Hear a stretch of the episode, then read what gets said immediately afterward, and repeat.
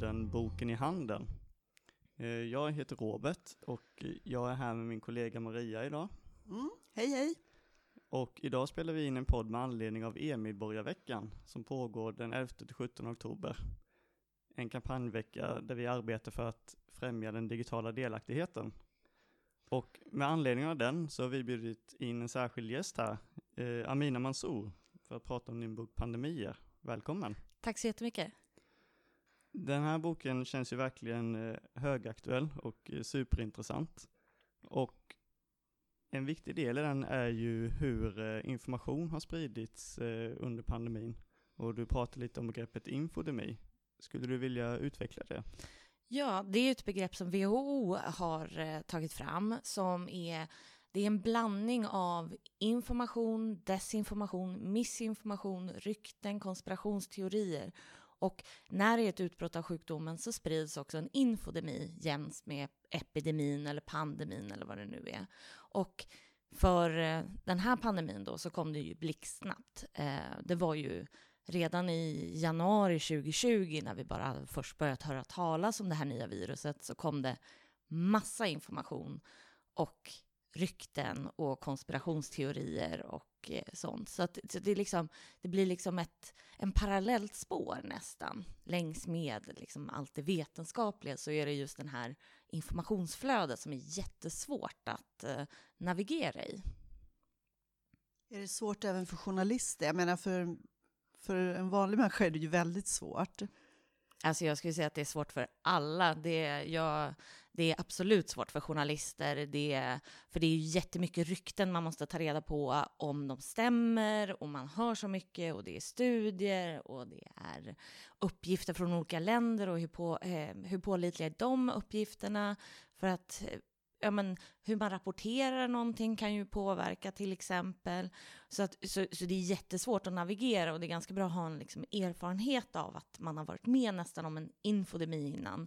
Och det hade faktiskt jag från Zika-viruset, om ni kommer ihåg det, när det spreds 2015-2016 i Sydamerika.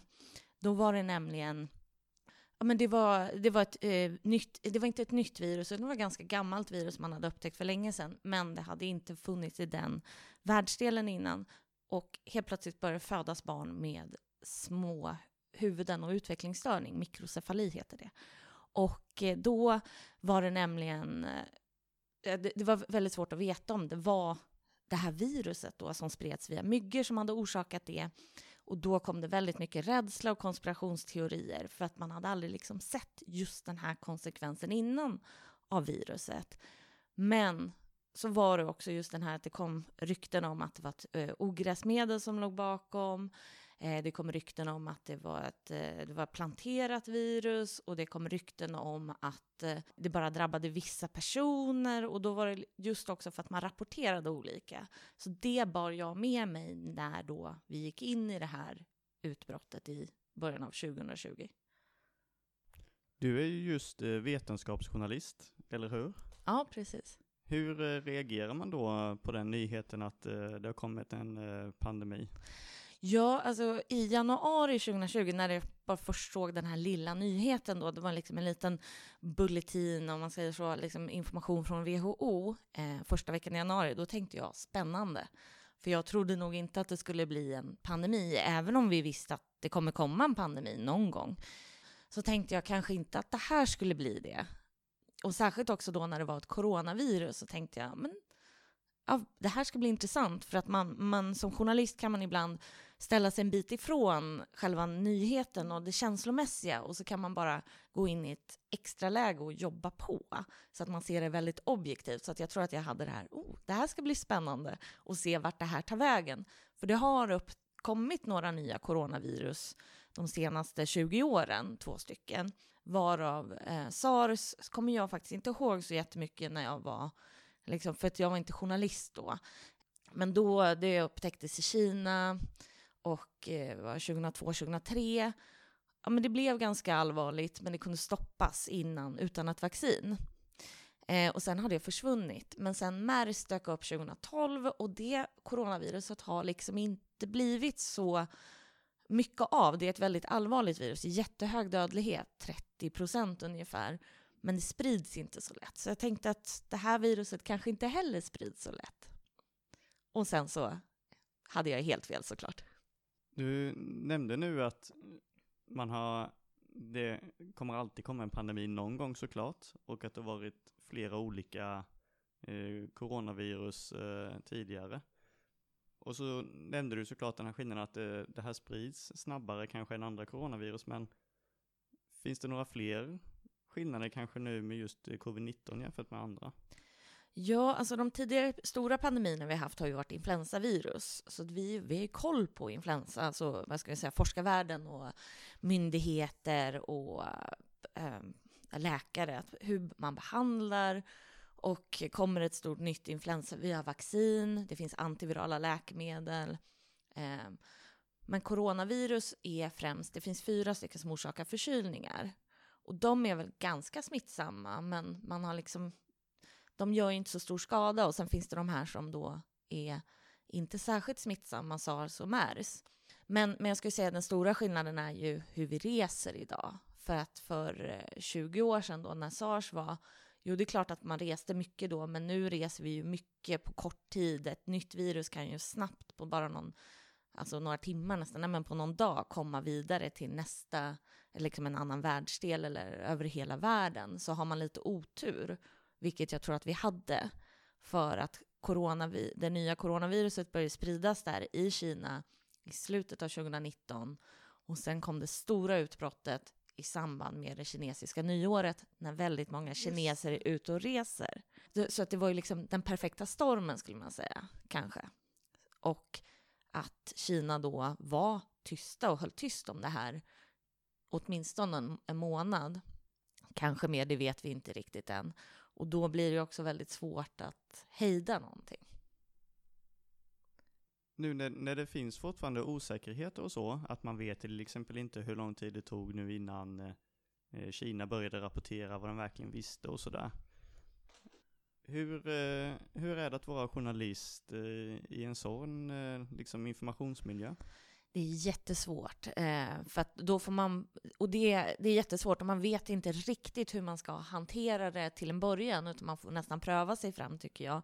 Men det jag gjorde ganska tidigt, då jobbade jag på Dagens Nyheter, nu jobbar jag på Expressen, då, då bestämde jag mig för att starta en, eller skapa en artikel som är ”det här vet vi” och den fick uppdateras. Och det var liksom all typ av information som var viktig eh, som var bekräftad också. Och inte bara den här lösa ryktena, för de kunde man eh, de kunde ju finnas på andra ställen, men det var ju just den här det här vet vi, med, det här är bekräftat från WHO eller Folkhälsomyndigheten eller genom officiella källor på något sätt som kanske handlade då om, ja men dels, ja men vad vet vi om coronavirus? Den, den finns ju att skriva ändå, men också det här, ja men nu har man rapporterat så här många fall, nu kom den här första studien som då beskriver symptomen på det här sättet, liksom lite mer baserat på fakta och inte just de här snabba ryktena eller den här, där det här är osäkert. För då, den kan man ha någon annanstans, man kan, så fort man vet att den informationen blir bekräftad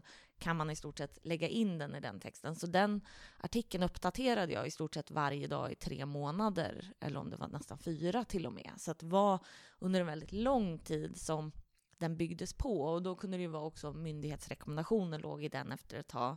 Men till en början var det det här är vad vi vet om viruset, det här vet vi hur det smittar. Och sen får man ju ändra det, för att ibland kan det ju vara att mer kunskap betyder ju också att då kan, alltså då kan det vi vet ändras. Men, men just den här, så här har många fall har upptäckts hittills och inte de lösryckta ryktena utan mer de bekräftade. Men jag tänker också när det är så här många källor, hur man förhåller sig till olika källor.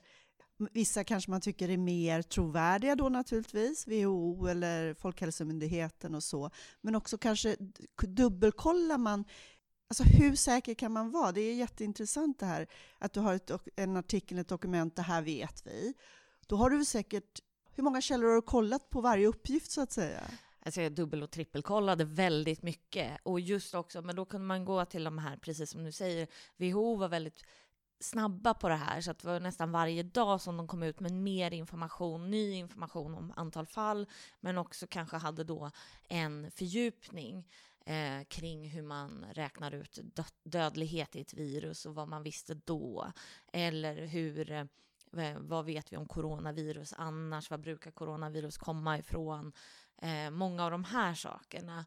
Eh, men, men jag skulle säga att det var ju mycket kolla på ja, men de mer, ja men då har vi ju Europeiska smittskyddsmyndigheten ECDC och sen har vi ju WHO och sen har vi Folkhälsomyndigheten men ibland kunde det vara att man kollade liksom också studier och tidigare studier och pratade med olika forskare och det var mycket, mycket jobb om man säger ja, så. Ja, det förstår jag. Det som är intressant i din bok är också hur du skriver om hur man eh, tar del av forskningsrapporter som journalist då och hur man ska förmedla det till allmänheten som inte kanske är så vana att tolka liksom forskningsresultat och det. Och där har ju du listat olika hur man eh, ser på, vet, på vetenskapliga eh, eh, publikationer och så.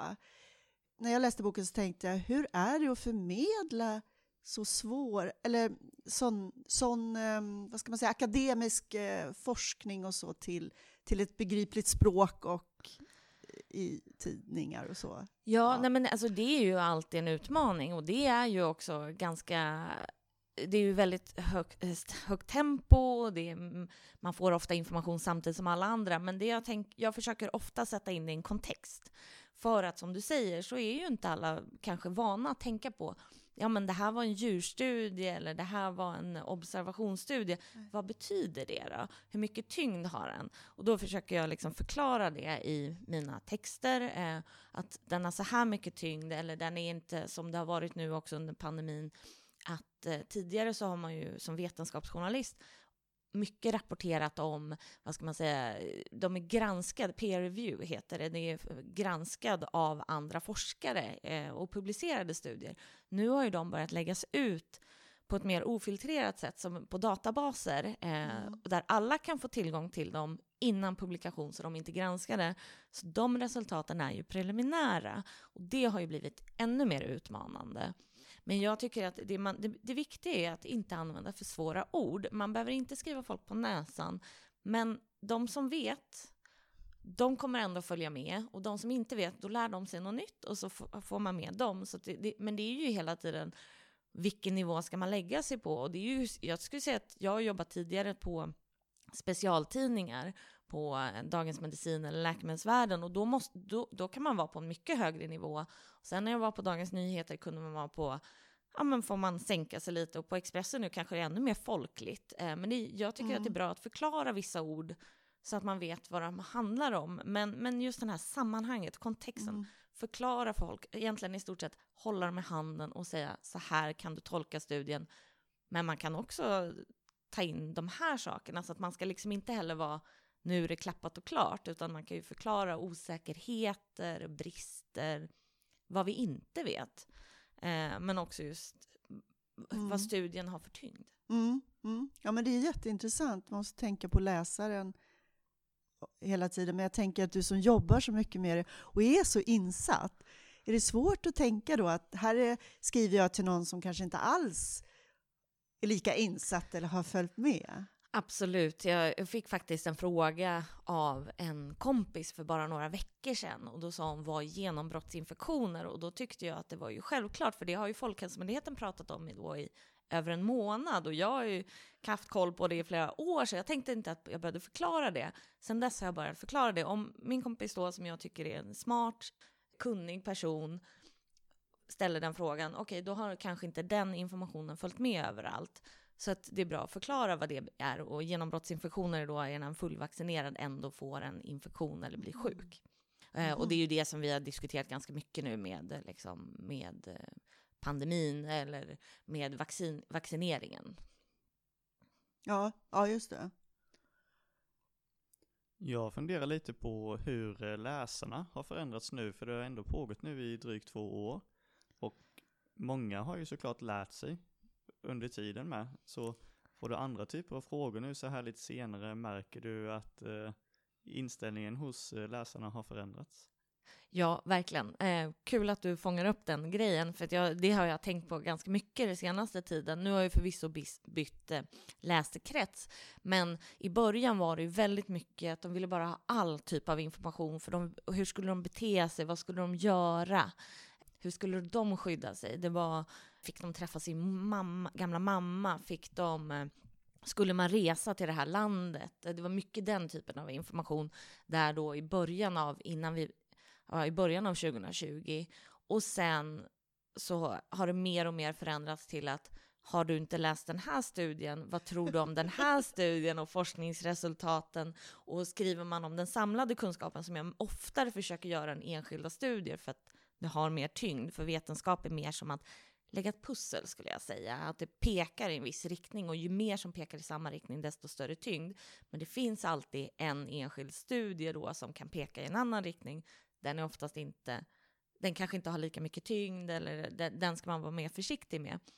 Och sådana har det börjat komma mycket mer av nu, särskilt nu när det är kring vaccineringen, för då kan det finnas någon studie som då säger titta, vaccinet fungerar inte alls, eh, eller att de, de, de pekar på någon annan information än all samlad annan vetenskap. Men hänvisar de alltså till speciella rapporter och sånt, de som hör av sig? Ja. Sitter, sitter människor hemma och läser olika rapporter och saker?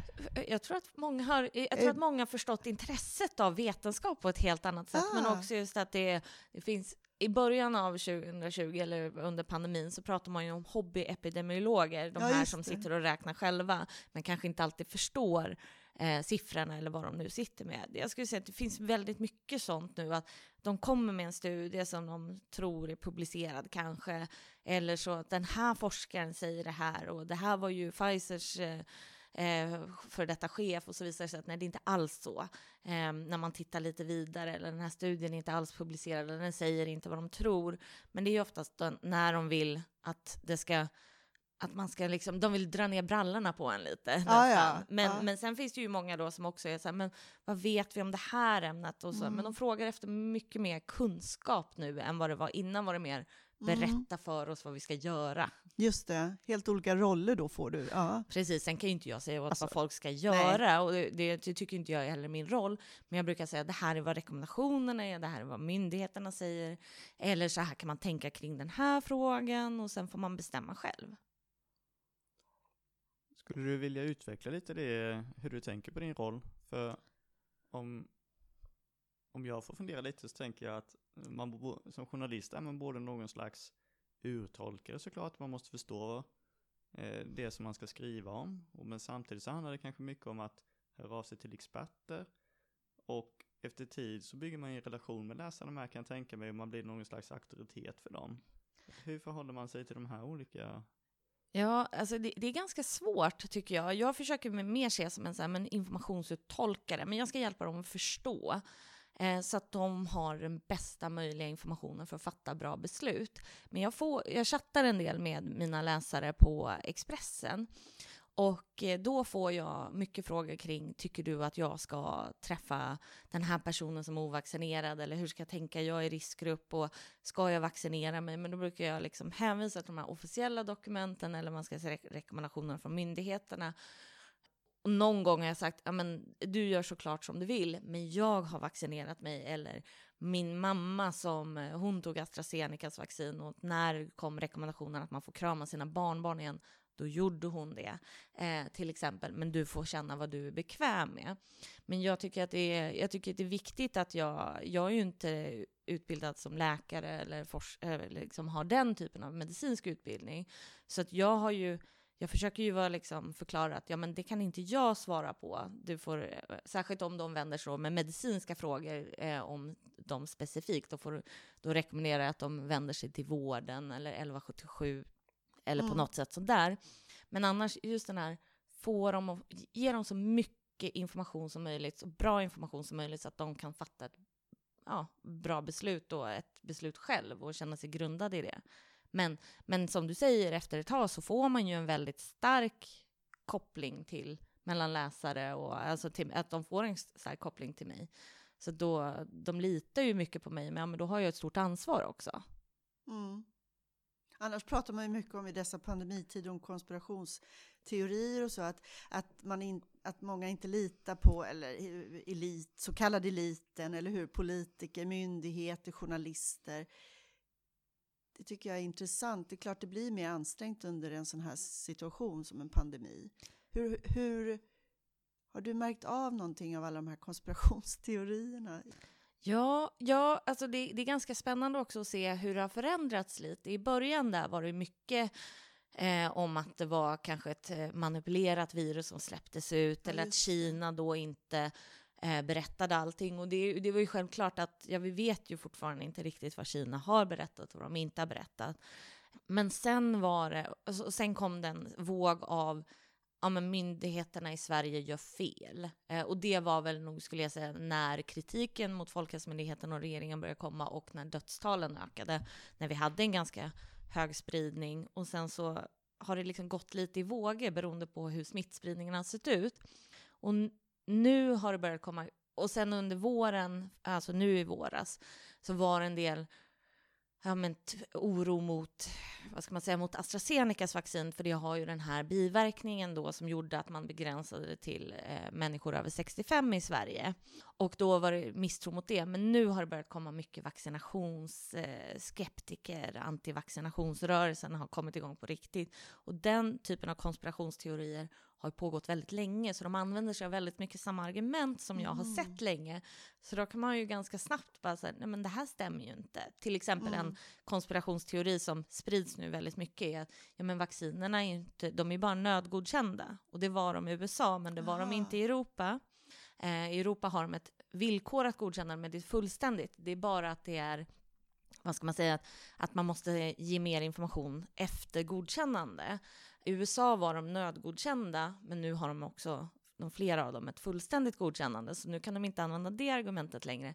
Men det har de använt tidigare också kring, alltså man plockar mycket av konspirationsteorierna från USA. Mm. Så att man ser att börjar det komma konspirationsteorier i USA, då vet man att de kommer hit sen. Så nu börjar det röra på sig lite ja. kring det tycker jag. Ja, för vi hade ett samtal med Kent Werner här som har skrivit eh, konspirationsfeber häromdagen. Då pratade vi mycket om det. Så, ja, ja nej, men det, det är väldigt intressant att se hur de här strömningarna i konspirationsteorierna går. Och vaccinationsskepsis med antivaccinationsrörelsen har ju funnits egentligen sedan det första vaccinet då togs fram. Eh, på 1800-talet var det väl, eller om det var slutet, eh, mot smittkoppor. Jag undrar lite om de här internationella, vad ska man säga, rörelserna. Jag tänker på USA, Kina, Ryssland. Och jag minns inte riktigt vem det var som sa det, men det var, om det var MSB kanske, att Sverige var utsatt för en desinformationskampanj från, eh, alltså från utlandet. Är det, känner du till det också? Ja, och det är ganska intressant. Jag har inte gått in så mycket på sånt i min bok, men i, när det gäller till exempel Ryssland så har det varit en, en desinformationskampanjer så här, från Ryssland kommer en del desinformationskampanjer och de har ju liksom riktat sig mot amerikanska valet tidigare. Men i somras, för ett år sedan då, ehm, så riktade det sig mot AstraZenecas vaccin och det, det var en kampanj som har liksom smutskastat det vaccinet. Och jag tror ju att det finns ganska mycket politik i det här också och att det finns en då desinformationskampanj mot Sverige är inte helt orimligt att tänka sig, för Sverige har varit ett av de land, länder som har hållit landet så pass öppet som möjligt. Och då vill man gärna göra gällande att kanske då vissa då, eh, ska vi säga, krafter eller vissa intressen att det är dåligt, för vi har ett val kom, eh, som är på gång mm. nu, så jag tror att det finns nog ganska mycket att grotta i där, mm. eh, som är en väldigt intressant aspekt av det hela, för det är ju också att, vad ska man säga, eh, smittor eller så här, ut, sjukdomsutbrott har ju använts i för olika intressen. Man pekar ut en grupp som skyldiga. I början av pandemin så var det ju kineser eller asiatiska människor som då har upplevt en ökad rasism. Och sen så är, kan det ju vara i vissa andra länder att ja, men det är de som smider, sprider smittan och då tittar man på en särskild grupp då som kanske är de som jobbar eh, ute i samhället och inte kan jobba hemifrån. ja, då blir det ju de som då smittan sprids i och så blir de stigmatiserade. Och, så man kan nog välja väldigt mycket på eh, och spela på människors rädsla också för att få fram den här typen av kampanjer. Tror du människor har svårare att ta till sig information när man är orolig och rädd?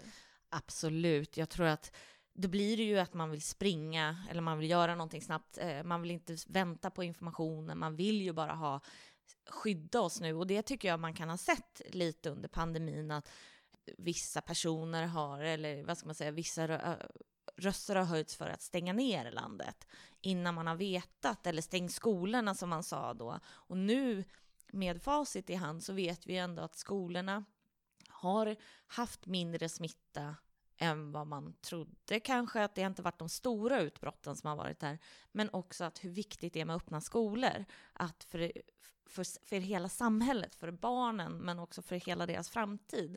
Så det säger ju ECDC, den europeiska smittskyddsmyndigheten, säger det nu, att skolorna ska vara det sista man stänger och det första man mm. öppnar. Men om man är rädd, och vilket man gjorde då i liksom hela, stora delar av världen, så stängde man skolorna för att det kunde bli utbrott där. Mm. Man väntade inte. Eh, och Sverige var ju ett av få länder då som hade skolorna öppna i stort sett hela tiden. Alltså grundskolorna, gymnasiet stängde ju, eh, eller gick över till distans.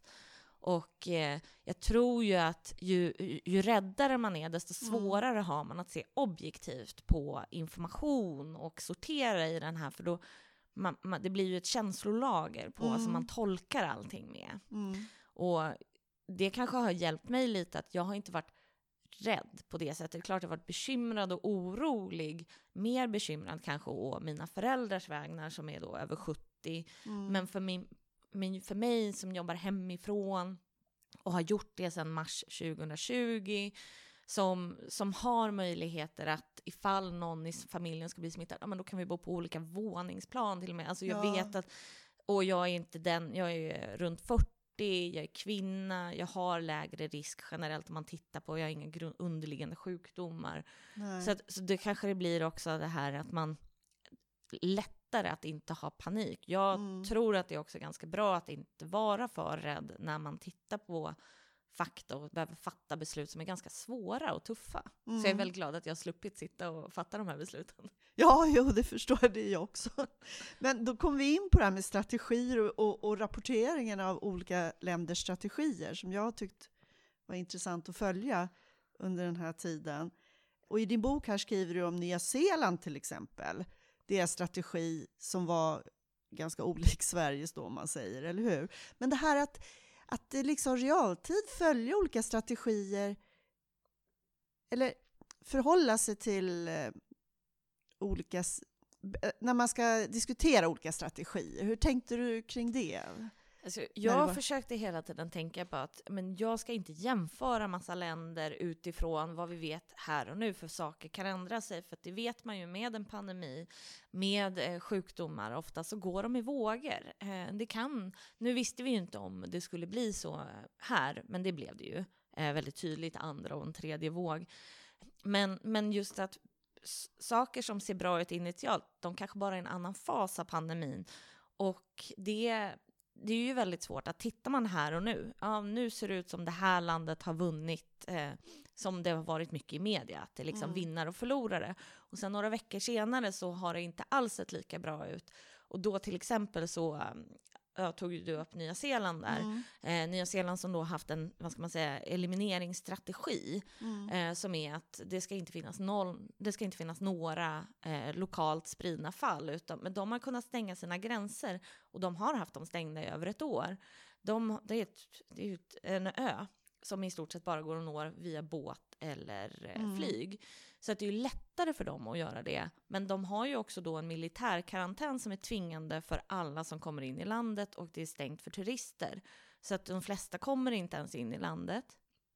Eh, och ändå så har de att det slipper igenom lite fall då och då. Och nu, nu är till exempel Auckland, deras eh, största stad, är i karantän och har varit det, eller i lockdown och har varit det i några veckor, eller snart en månad tror jag, för att det blev ett utbrott eh, som har spridit sig lite genom landet. Mm. Eh, men stora delar av året har ju de då levt mer normalt.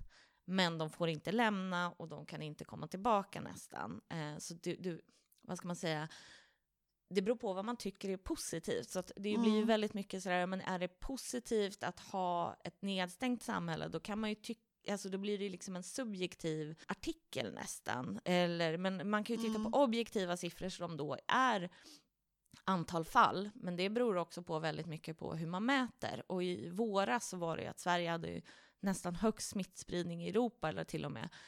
Men då mätte vi, vi testade jättemycket och vissa länder hade mm. slutat mm. testa lite.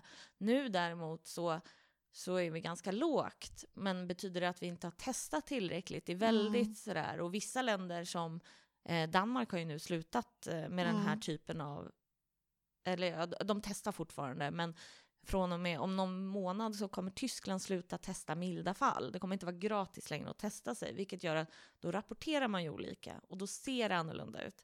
Och mm. vi vet inte förrän vi, jag ska säga, jag tror inte att vi kommer ha alla svaren förrän som ett tag. Men, och det är just också det här att i en pandemi tycker jag knappast att det finns vinnare och förlorare, för att alla är ju på någon, något sätt förlorare. Mm.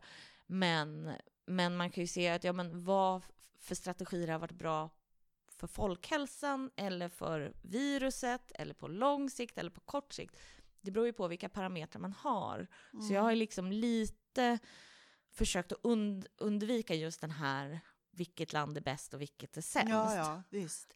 Men du skriver om det också ja. i, i boken som jag tycker är intressant, det här att man kanske inte får med alla nyanser i, eller som att man mäter olika i olika länder och så. Jag tycker det var intressant.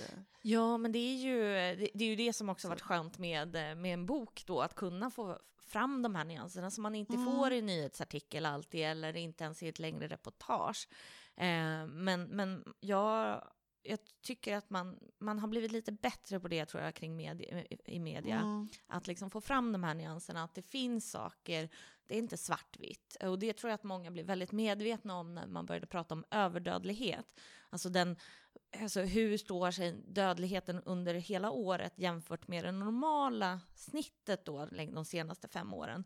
För Sverige då som hade haft ganska många fall, eller dödsfall, eller ganska många, många dödsfall, omkring 10 000 var det väl då, eh, vid årsskiftet i covid-19 eh, hade då inte jättehög överdödlighet utan det var inom, det var högre än ett normalt år, men det var inte lika högt som många andra länder i Europa, så vi, vi var inte liksom bland de sämsta om vi skulle prata om det. Och då tror jag många förstod att det finns mycket annat att tänka på.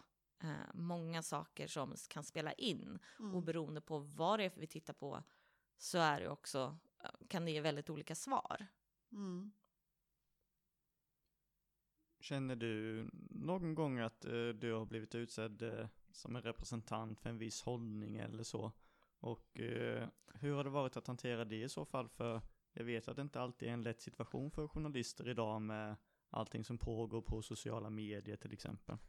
Jo, eh, verkligen. Jag, jag skulle säga att många har ju, eller många, somliga har ju ansett att jag är en förespråkare för Folkhälsomyndigheten. Men jag har ju försökt att titta på fakta och liksom förmedla var har vi faktan, vad vet vi om det här? Och det har varit lite jobbigt när jag fick mejl som tyckte att jag var ansvarig för, det var ju förra sommaren, att 5000 svenskar hade dött och att jag var ansvarig för det också. Eh, och det var faktiskt ganska tungt och det kändes inte alls rättvist om man säger så. Eh, så, att, så det har ju varit en ganska hetsk stämning i sociala medier ibland. Men sen å andra sidan, om man har skrivit om någonting som då pekar mot vad Folkhälsomyndigheten säger, då har man snarare blivit anklagad för att inte vara, vara lojal. Eh, men då har jag varit så här, men jag är lojal mot läsarna. Jag jag är inte lojal mot vilken tidning eller eh, ledning eller Folkhälsomyndigheten eller regeringen, utan jag är lojal mot läsarna. De ska få fakta. Men, men det har ju varit, absolut varit tufft och det har ju varit flera gånger som jag har tyckt att det varit jobbigt att skriva om vissa ämnen. Och då till exempel munskydd som har varit en sånt som, och vaccin har ju eh, vaccin har inte varit jobbigt på det sättet, men man vet att man kommer få en, ett antal arga mejl. Men munskydd har varit jobbigt för att det spelar ingen roll vad man skriver, för antingen har jag inte fördömt munskydd tillräckligt mycket eller så har jag inte förespråkat dem tillräckligt mycket och det finns otroligt starka känslor. Ja, munskydd verkar vara så här flagga liksom, signal. Verkligen. Men det blir en väldigt tydlig symbol för Ja. pandemin. Du har den på ansiktet, du ser vem som tar pandemin på allvar om man säger Ja, så. Att det, är liksom, det blir Intressant. väldigt speciellt och, det, och då har Folkhälsomyndigheten har ju, alltså vad kan man säga, Sverige har ju stuckit ut även där. Mm. Att s- eh, liksom, munskydd började ju inte rekommenderas förrän eh, i januari i år. Och det var ju först när smittspridningen väldigt stor och det var under en väldigt begränsad period på Mm. alltså i kollektivtrafiken. Medan andra har det så fort de är inomhus och vissa länder har det där de är utomhus också. Mm. Ja, precis. Men då kom vi in lite på det här med hur det är att skriva en bok som du har gjort nu om det här och ändå mitt under, när det ändå pågår fortfarande. Kan du utveckla det lite? Alltså, Jo, men absolut. Det, det var ju faktiskt en tanke att när jag började, när jag fick eh, frågan från förlag och pratade med förlag om att skriva en bok, så var det inte då trodde vi nog alla att men vi kanske har sett det värsta. Det var ju sommaren 2020, den var ju otroligt lugn mm. om man ser tillbaka nu. Eh, känslan var att men det kanske inte blir så farligt i höst. Vi kanske är liksom genom det värsta. Och då, när jag började skriva boken så trodde jag nog att det skulle inte vara samma massiva utveckling av situationen. Men tanken var ändå att ja, men det är inte så att den här ska komma. Den här boken är inte den som har alla slutliga... Eh, så här, det, det är inte liksom bokslut på pandemin, utan den ska visa ett förhållningssätt som visar att men, så här kan man tänka, så här förstår man studier, så här kan man förstå det som hänt under pandemin. Och sen så pratar jag ju lite framåt. Men det har ju varit utmanande. Det har ju varit några saker som jag varit tvungen att liksom skriva helt om eh, efter ett tag. Och boken kom ju, alltså jag skrev ju på boken väldigt tajt in på att den skulle komma ut just för att jag skulle få med så mycket av de sista sakerna som möjligt. Men till slut fick jag bara sätta ett datum att efter det här så, så kommer det inget mer. Men jag försökte liksom så här, så här vet vi i nuläget, men det kan ju komma studier som visar någonting annat. Och då var till exempel munskydd, då, då, när jag skrev om det, då, då var det ju att det saknas den här typen av studier som egentligen visar om de fungerar eller inte. Nu har det faktiskt kommit en från Bangladesh. Ingen jättestor skillnad. Från Bangladesh? Ja, Okej. eh, ja. Nej men det är det, det är där ett land då där det inte Ja. finns vaccin i stort sett. Ah. Väldigt folktätt. Man har liksom, det är mycket människor. Det går att göra den typen av studier där man slumpar vissa byar till att ha munskydd och andra till att inte ha det. Men, men det är liksom mycket av det som jag har skrivit om här, var, jag var ju lite orolig. Tänk om det kommer någonting som ändrar allting. Men det och delta har ju lite förändrat saker, men jag skriver om virusvarianterna och just hur osäkert det blir. Eh, men, men det är ju, det, det var ju alltid lite läskigt, men det var därför jag försökte också ha den här, men det här är inte slut, det är inte så här du ska tolka pandemin, utan så här kan du förstå studier, så här kan du förstå information, vad var det som hände? Eh, Mm. för mycket av det här är ju också, vad var det som hände egentligen?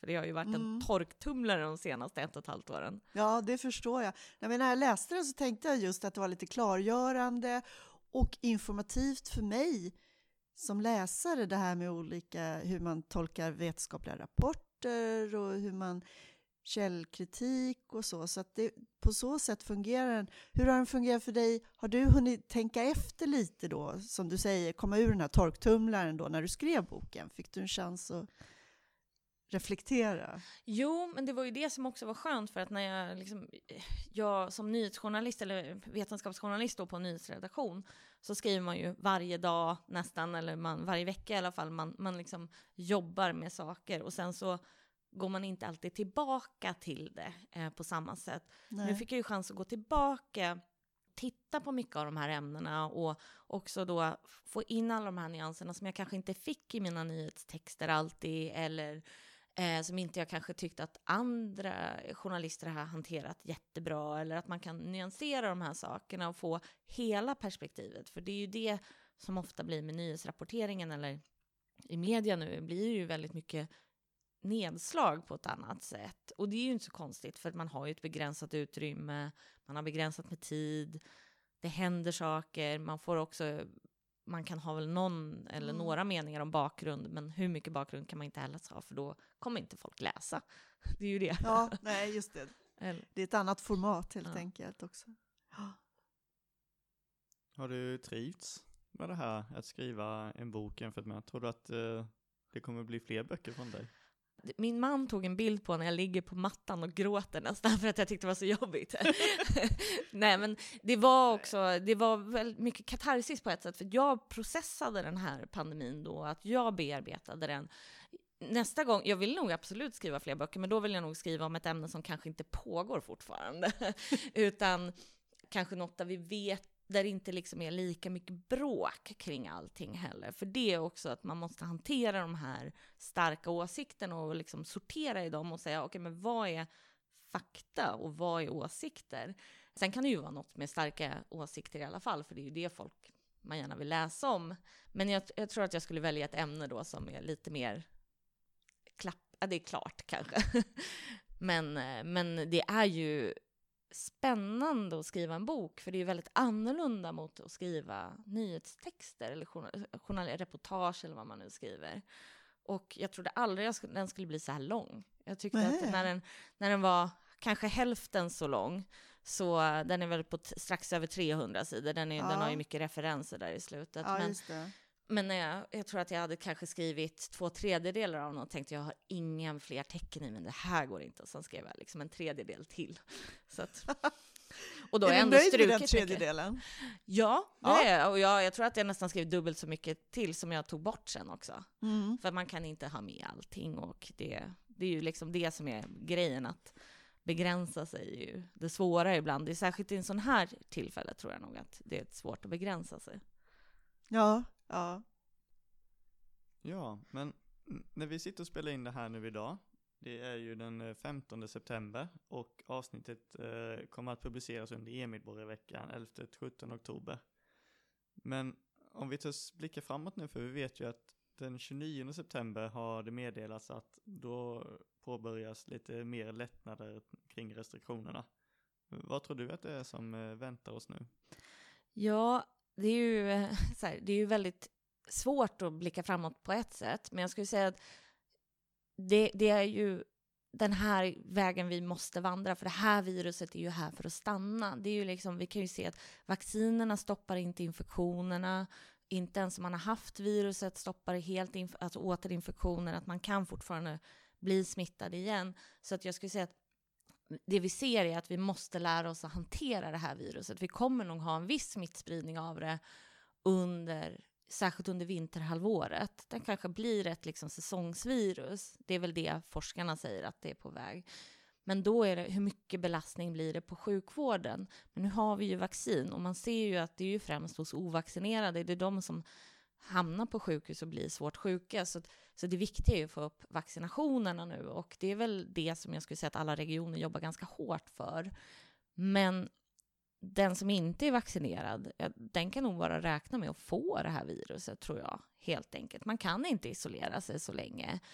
Eh, sen så jag tror att vi alla andra kommer nog också få det förr eller senare, men är vi fullvaccinerade så kanske det blir som en lätt förkylning. Så det ska bli väldigt intressant att se hur vi anpassar samhället nu för att det här viruset finns här, precis som vi lever med influensa. Eh, det här är ju ett värre virus än vanliga influensavirus. Men med vaccin kanske de kan vara på samma nivå, för vi, vi har ju samhället öppet under influensasäsongen. Vi går ju på fester, vi har skolorna öppna. För man ser ju fler och fler länder nu som börjar gå mot det. Danmark har släppt restriktionerna, Finland ska göra det snart. Ehm, eh, nu, jag såg att Singapore eh, betraktar viruset som nu som ett säsongsvirus eller endemiskt virus som det kallas då också. Så att, att lära oss leva med det här utan att på något sätt ge upp. Men med vaccinerna så blir det förhoppningsvis mindre farligt. Sen så hur många doser vi behöver och när vi behöver och hur man ska ge det, det är ju en ganska svår fråga som inte är utredd än. Men jag skulle säga att nu har vi börjat, bör, den 29 september då tar vi första steget mot att, snabba steget då, eh, mot att det här viruset är här. Eh, nu får vi lova, lov, äh, lära oss leva med det. Ja, det får vi göra och eh, jag ser fram emot i alla fall att du ska lotsa oss igenom infodemin. I alla fall. Tack så jättemycket. Tack så mycket för att du kom Amina. Det var jätteintressant att eh, ha dig här. Tack, verkligen jättekul. Ja, och tack för att jag fick komma. Jättekul.